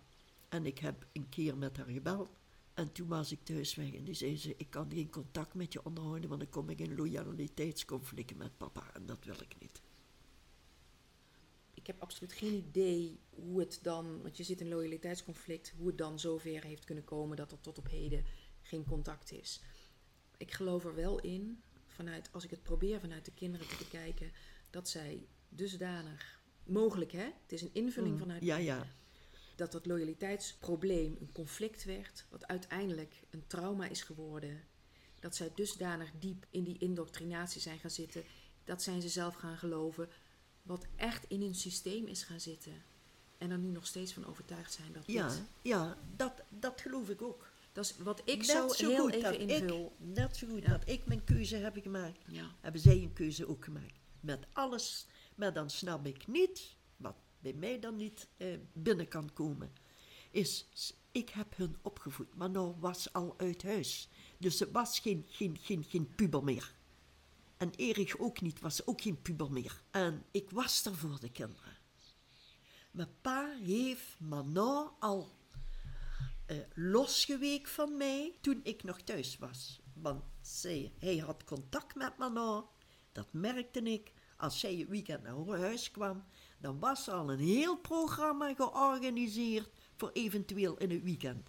En er werd mij gevraagd, we gaan dat en dat doen, wil je meegaan? Dus het was al aan de gang. Beetje en wij waren een keer hè? op vakantie. Was dat de laatste keer of het jaar daarvoor? Dat weet ik niet.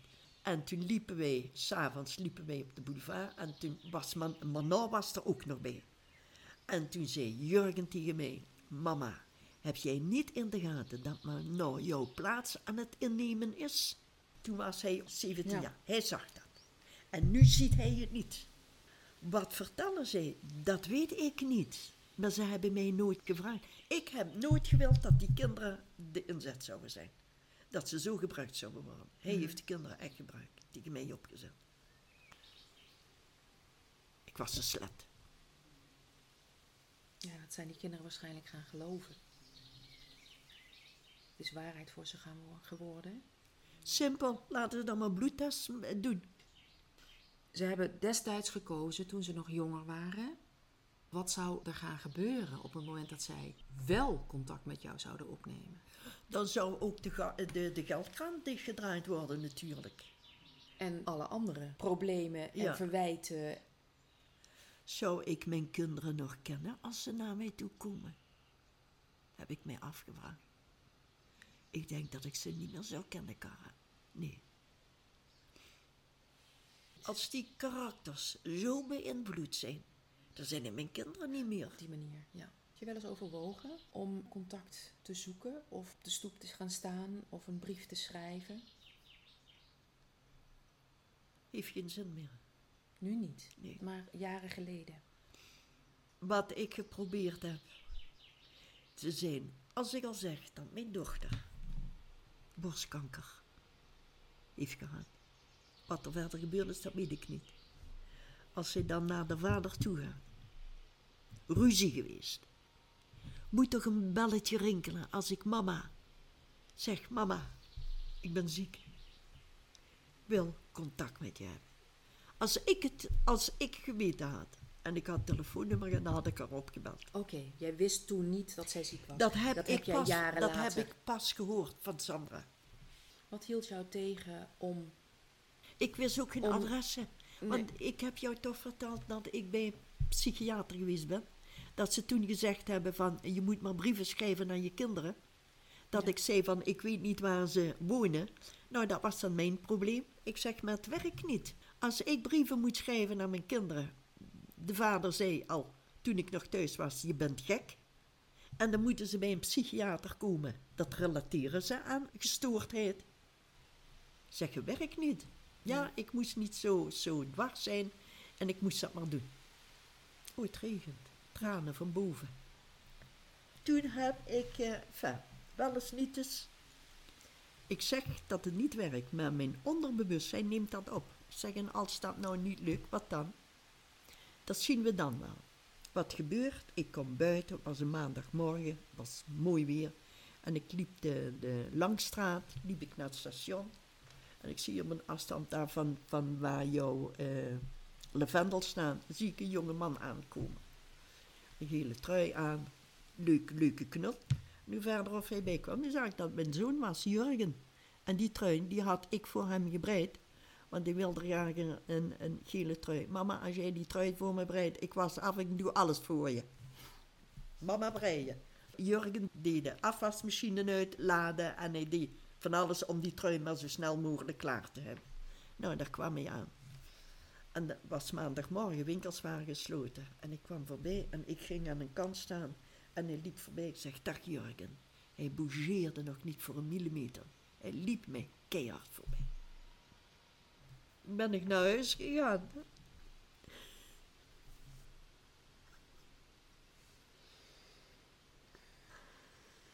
En toen ik weer opbelde naar de psychiater.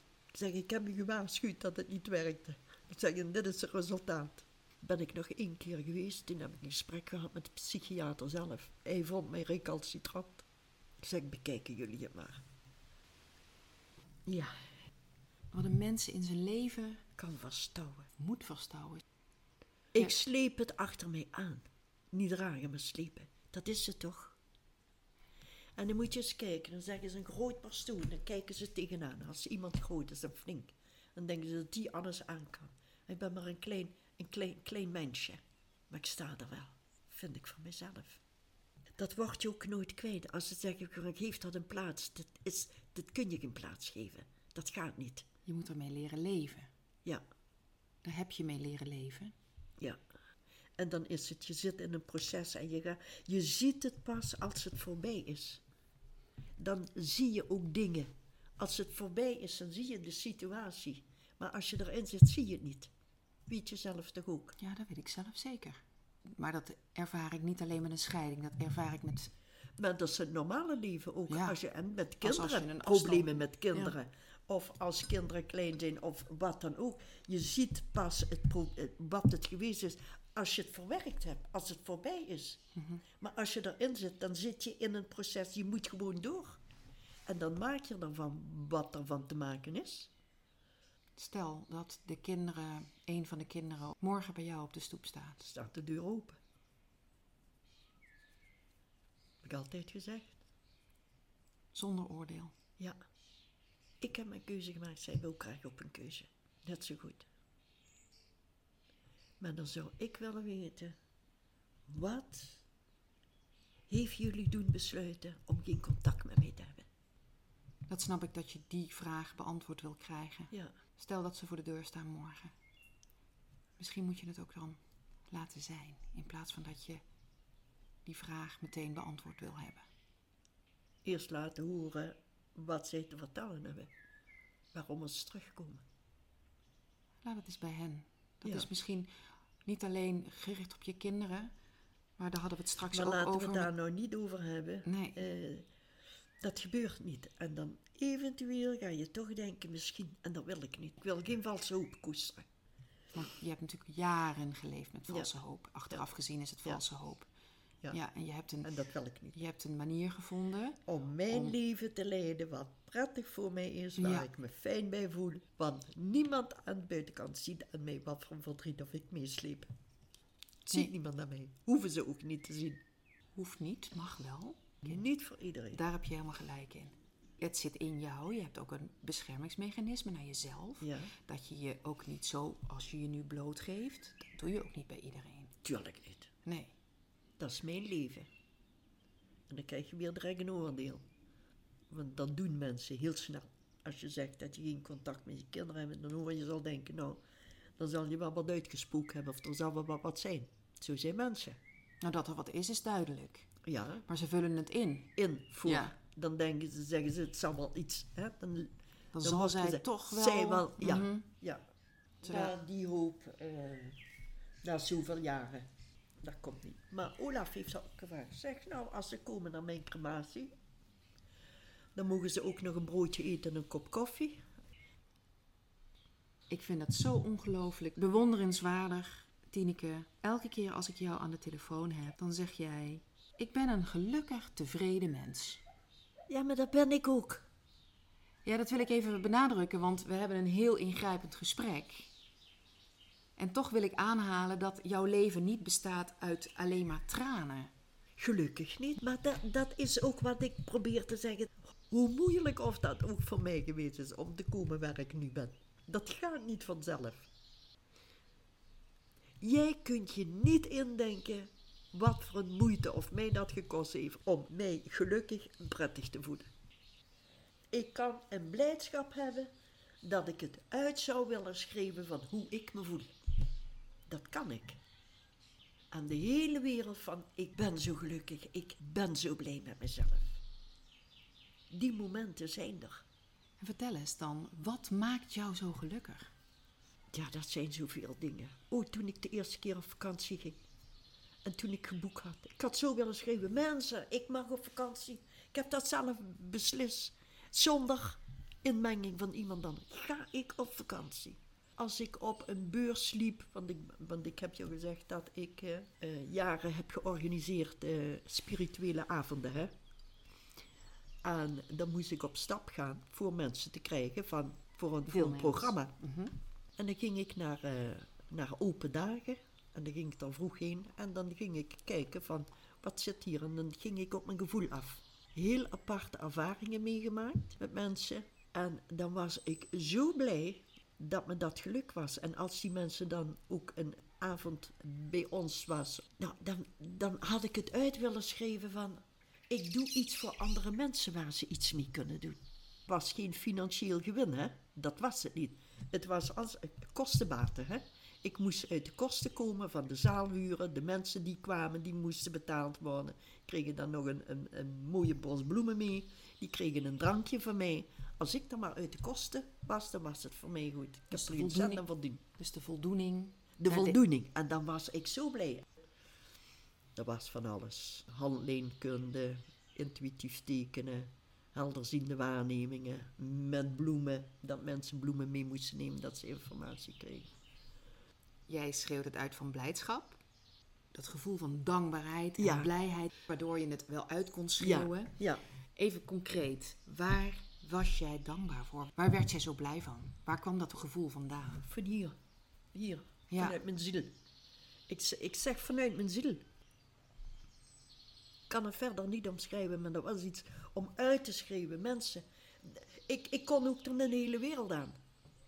Het gevoel van vrijheid, te kunnen in je leven blij, kunnen, blij, niet gebonden zijn. het leven Ze moet- invullen ja. zoals je dat zelf ja, wil. Ja. Ik denk dat dat ook, want daar ben ik, ben ik op zoek naar geweest. In die tijd toen het zo moeilijk was in mijn, eh, met die scheiding. Waarom gebeuren dingen wat je helemaal niet wil? En je komt dan met mensen in aanraking, want in die tijd, in, in, in de tijd van de scheiding, ben ik in contact gekomen met dat eh, paranormale, dat spirituele. En dat ik ben gaan zoeken. En daar ben ik veel mensen tegengekomen die mij ook geholpen hebben om dat programma op te zetten, want dat deed ik helemaal in mijn eentje. En dan ben ik gaan zoeken en lezen en dan kom je met karma. Het is een leerschool. Wat je in vorige levens niet goed hebt gedaan, nou dan krijg je nu de kans om dat te verbeteren. Evolutie is dat ook van de ziel. En toen ben ik tot de conclusie gekomen, nou, ik heb in vorige levens iets gedaan wat niet zo prettig was en dan krijg je nu de, nu de rekening van gepresenteerd en dan zul je het nu mee moeten doen. En dat heeft mij ook kracht gegeven om het te dragen. Om problemen waar ik tegenaan loop, hè, dus het verdriet, geen contact met de kinderen, moeilijk eh, contact met andere mensen krijgen. Te weten dat dat een, een lot is wat ik zelf gecreëerd heb, want daar komt het op neer dat ik daar nu iets van mijn leven moet maken en leren zelfstandig functioneren. Dat weten, dat heeft mij ook eh, doen worden wie ik nu ben. Wie ben jij? Ik vind mijzelf eh, zelfstandig, een eerlijk mens. Zelfstandig functioneren, eerlijk mens, ja. Ik ben mens onder de mensen. En kan ook nog luisteren en iemand advies geven. Dat is een eigenschap wat ik heb zonder gestudeerd te hebben. Vind ik van mezelf. Dan klinkt dat misschien van. Ik geloof niet dat het heeft, iets te maken heeft met een eh, studie. Of je kan luisteren. Ik denk dat het meer eh, te maken heeft in hoever je een inlevingsvermogen hebt. Ja, maar ik denk ook dat dat is dan de ziel die je bent. Dat is ook een stuk van mijn opdracht om wat ik weet uit te dragen aan mensen, zonder daar eigen gewin aan te hebben. Dat vind ik terug ook in de boeken die ik heb daarover. Hoe zit dat met de ziel? Mensen die heel veel verdriet hebben of leed krijgen te verwerken, zijn oude zielen. Een jonge ziel kan dat nog niet aan. Zie dat als een leerschool. Hè? Als je, je moet leren van, van, van je gaat naar de kleuterschool, van de kleuterschool ga je naar de basisschool.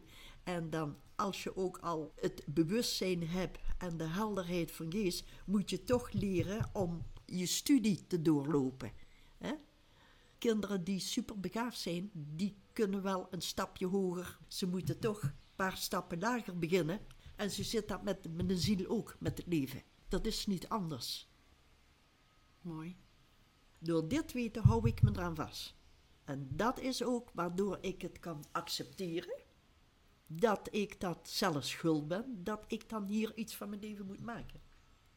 Dat is mooi dat je dat zegt. Dat je niet alleen kijkt naar je ex en naar je kinderen. Nee, dat je ben, ook naar ik- jezelf, ik naar jouw aandeel kijkt. Ik ben verantwoording Ja. voor, mijn eigen, voor mijn eigen lichaam, mijn eigen zijn. Daarom is het mijn plicht, ook op zielenniveau, dat ik goed voor mezelf zorg. Dat ik gezond eet, dat ik gezonde dingen doe, dat ik matig ben in allerlei dingen. Dat ben ik verantwoording voor mijn ziel. Want het lichaam is maar een voertuig, hè? Ja. lichaam is de voertuig van de ziel en de geest. En dat heeft niks met een geloof te maken. Geloof staat er helemaal buiten.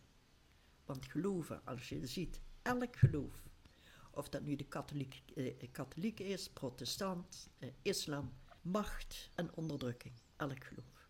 En als je daarna gaat, ze hebben het allemaal over, het gaat om één God, maar ze, hebben allemaal, ze hanteren allemaal een andere God.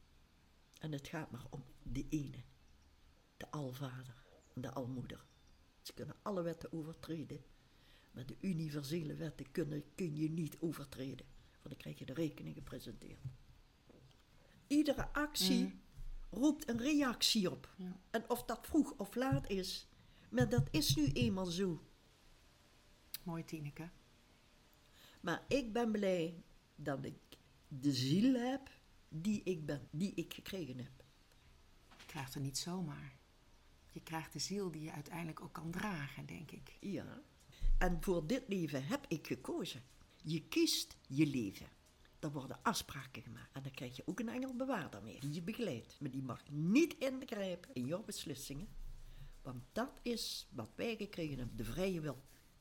Dan zeggen ze wel eens in een oorlog. Hè, ik geloof niet, want God laat alles toe. Hoe kan een God die de mens de vrijheid heeft gegeven om vrij te denken en te handelen. Naar welke partij moet hij luisteren? Dus mensen hebben direct een oordeel. Ze denken van God moet helpen de goede kant. Maar aan de goede kant, wat is de goede kant? Oorlog is smerig. In een oorlog worden dingen gedaan. De waarheid, dat is het eerste wat, wat sneuvelt in een oorlog. Er worden wapens gebruikt, willens en wetens, om mensen te doden, te verminken. Wat er na de oorlog nog voor trauma's en ellende gebeurt, daar spreekt niemand over. Hè? Daar neemt niemand zijn verantwoordelijkheid voor. Dus waar moet die God dan voor kiezen? Want je hebt een vrije wil. En dat hij ons die vrije wil gegeven heeft, zijn we zelf verantwoordelijk voor die vrije wil. Wat wij daarmee doen. En dat vertaal je dus ook terug naar jezelf. Ja, tuurlijk. Ja. Ik heb een moraal. Ik vind dat ik, dat ik goed bezig ben, laat me zo, zo zeggen. Dat vind ik een hele mooie afsluiter, Tineke. Maar dat hoor ik ook elke keer terug in onze gesprekken. En dat ga ik even heel kort vertellen. Wij kennen elkaar nu eh, ruim drie jaar. Ja. In de begin van de coronaperiode is er hier in eh, de omgeving, in Roermond en omgeving, een initiatief gestart. Waarbij vrijwilligers gevraagd werden en mensen die dus Contact zochten. die contact zochten. Omdat Om we natuurlijk veel thuis. zijn. Daar heb jij je voor aangemeld. Ja. En ik, aan de andere kant heb ik me aangemeld. En zo zijn we bij elkaar gekomen. Hebben we ook al meer dan drie jaar dus dat contact. Het begon Ja. twee keer in de week. En eigenlijk is het nu meer naar behoefte. Er zit geen Mm. vaste afspraak meer op. En we hebben het over van alles. Alles, ja. Eh, van spiritualiteit tot politiek. En in het begin zaten we daar nog niet op één lijn. Ja, En, eh, en dat hoeft jij ook niks. niet. En toen heb ik mij ook... Ja, eh, omdat ik zoek. Ik was dus zoekende. En je bent nu omgedraaid. Je weet nu precies hoe het in elkaar zit. precies. En we En- hebben het over, over eh, plantjes. En we hebben het over Ja. koken. En we hebben het over, eigenlijk over, Over de van alles. scheiding. Over de scheiding. En we hebben het eigenlijk over een heleboel dingen. En Ja. maar ik hoor altijd elke keer weer terug. Ik ben een Kara, je weet het. Ik ben een tevreden mens. Ja. En natuurlijk heb ik zo ook mijn proces, wat wel even Iedereen heeft dat. anders is dan het van jou. Ja. En probeer me in te leven in je. Ik ben in ieder geval nog steeds dankbaar dat wij elkaar. Dat is niet dat voor zo, niks Nee, dat is zeker niet Dat is niks niet geweest. niks geweest. En dat is ook niet. In eerste instantie dachten we van: oh ja, eh, dat is wel interessant, want jij hebt een scheiding doorleefd, ik ook. Hè? Ja. Maar uiteindelijk, voor mij, dat is ook geen toeval. Want ik was bezig met een proces. Hè? Hoe sta ik in de wereld? Ja, Hoe kijk ik ja. tegen de wereld aan? En daarin had ik jou ook een soort van nodig Ja. Om dat te kunnen zien. En in eerste instantie was het afhouden van, ja, dat wilde ik nog niet aan. Omdat het natuurlijk Mhm. ja, dat is gegroeid. Dat ja. is het ook van, eh, eh, je moet elkaar een beetje leren kennen. En ik was direct open, spontaan, zo, zoals ik gewend ben. Praat graag. Ja. Maar dat klikte. Maar nogmaals, er gebeuren in het leven dingen wat je zelf niet in de hand hebt. En dan ga ik ervan uit dat dat van boven toch iets geregeld wordt op de een of andere manier. Mooi om te horen dat je je houvast hebt gevonden. Waardoor je dus in het leven staat zoals je nu in het Ja, leven je staat. Als je, Ja. dat, als je geen houvast hebt, dan, dan, dan ga je naar, naar de Filistijnen. Dat is wel een zoektocht. Ik heb altijd iets gehad met gelovig. Het schijnt ook dat ik in vorige levens in kloosters geleefd heb. Maar dat herken ik wel. Ja. Ik weet niet of dat ons laatste telefoongesprek was. Maar je vertelde dat je naar een eh, uitvaart was geweest. ja. Dat het je enorm had aan- aangegrepen. Enorm Ineens- aangegrepen. Ineens realiseerde realiseerde ik me. Ja. Als ik hier lig, wie komt er naar mij? En hoe gaat dat gebeuren? En wie vertelt mijn verhaal? En Ja. jij vertelde toen ook, ik zag een fotoreportage voorbij komen. Ja. En toen ging je het op mezelf betrekken. En er zijn geen foto's. Dus een hele periode van eh, in mijn leven zal Dat is er niet. getoond kunnen worden. Ja. Dat was het eerste wat mijn ex eh achterliet. Dat waren foto's. Nog van de kinderen. Heb ik ook niet. En toen ging er bij mij iets aan. En ik dacht, ik ga jouw verhaal opnemen. Ja. Nou, en dat is dan nu. Nu heb ik actie ondernomen met Olaf. En heb ik dat besproken. Dus nu heb ik, eh, ga ik een lijst maken met mensen die ik denk dat ze bij mijn uitvaart willen zijn. Bij mijn crematie. Jij hebt al toegezegd. En die worden dan telefonisch. En die worden dan telefonisch. Dus als, als jij je telefoon krijgt van Olaf, dan weet je nou, het spookje is hier weg. Nu gaat ze op een andere manier spoken. ja. Ben je bang voor de dood? Nee, helemaal niet. Ik ben er helemaal voorbereid. Ik kom in een geweldige wereld terecht. Je komt terecht waar je zelf, wat je zelf creëert. Dus je hebt heel hard moeten werken om straks over te stappen naar een ja. nieuw level. Ja. Ik word gehaald door de engelen. Mooie gedachte. Ja, tuurlijk. Jij bent 87, ik ben eh 50. Nee, ik ben nog geen 87. Nee, jij wordt dit. 87. Is dat ook een proces geweest om niet bang te zijn voor de dood? als je leest hoe het in elkaar zit, als je weet, want dat is ook, ook een zoektocht. Hè? Je hoort van de kerk, maar de hemel, wat is de hemel? Wat, wat is het hiernamaals? En ik heb boeken, ik heb een boek, dat is van iemand die een helderziende, die begeleid werd door haar neef. Maar daar is ze later naar de hand achtergekomen, van Emet.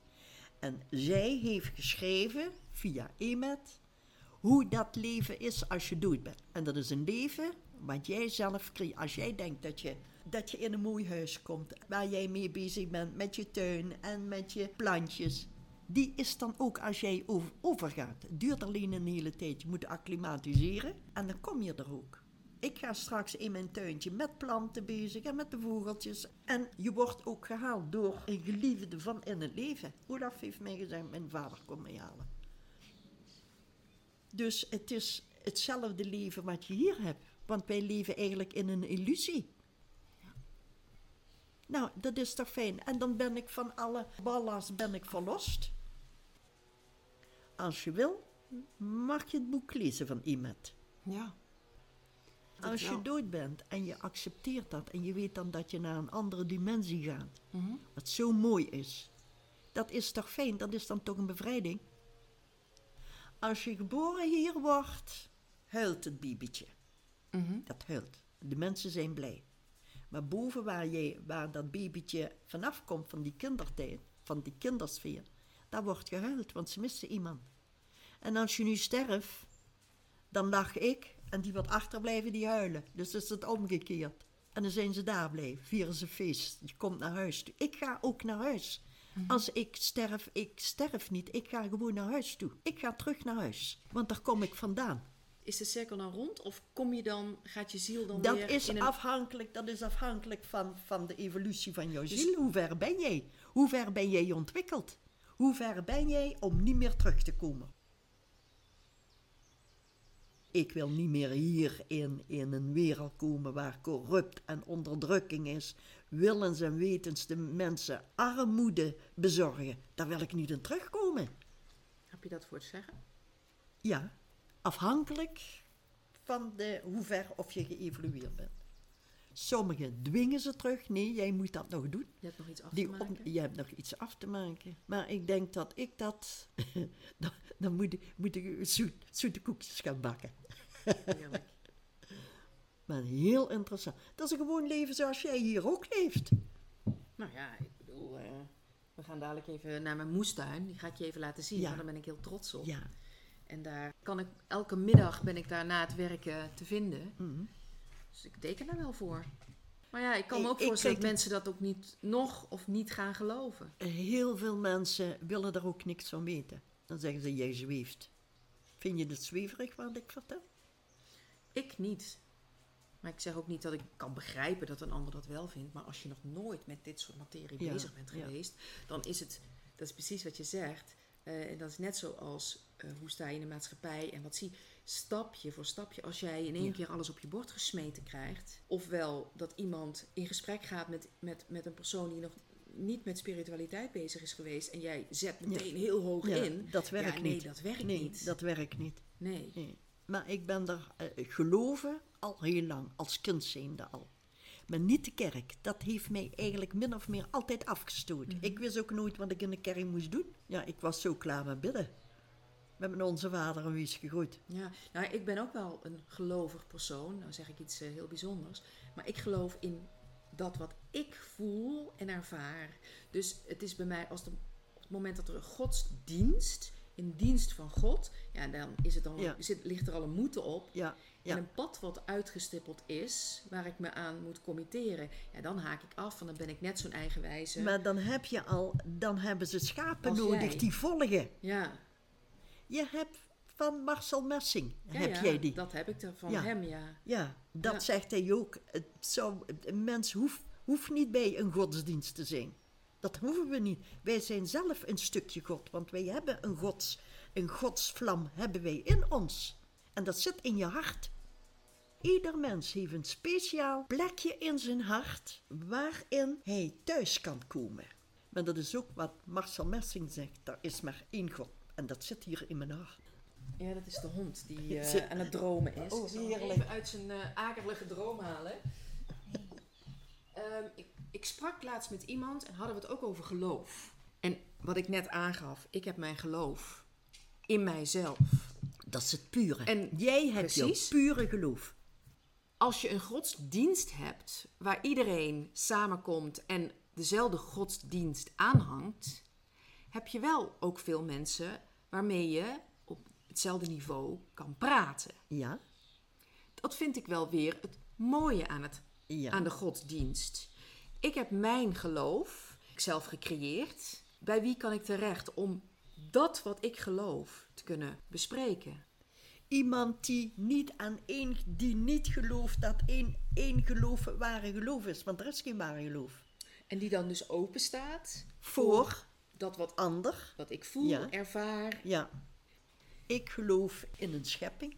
Ik geloof in engelen. Ik geloof in een, ja, een supermacht als wat ik al heb meegemaakt, dat, er, dat ik ook besche- beschermd ben geworden. Enorm beschermd ben geworden. En anders kan ik het niet uitleggen met alles wat ik heb meegemaakt. Ik voel het op dit moment heel sterk. Waar gaan we mee afsluiten, Tineke? Ja. Dat ik blij ben om dit gesprek met jou te hebben. Wat zo intiem is, naar buiten komt. En dat ik dat normaal maar voor bepaalde mensen. En nu ben ik heel open tegen jou geweest. Ja. En dat komt ook omdat ik jou vertrouw. Ik mag jou graag. Ik jou ook, Tineke. Anders, anders zat ik hier niet. En ik wil je heel erg bedanken, Tineke, voor ons mooie gesprek. Ik ben heel blij met jou. Ik heel erg blij met jou. En ik zou het fijn vinden als je bij mij langskwam. Ja. Zo eventjes een kopje thee drinken. Ik mag je graag. Dankjewel, Tineke. Heel fijn dat je luisterde naar deze nieuwe aflevering.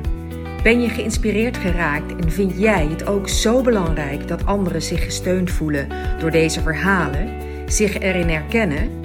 Ja, want je bent niet de enige. Laat dan een review achter in bijvoorbeeld iTunes. Of deel het door middel van een screenshot op Instagram of Facebook. Daarmee help je mij, maar vooral anderen. Dank je wel voor het luisteren. Tot in de volgende aflevering.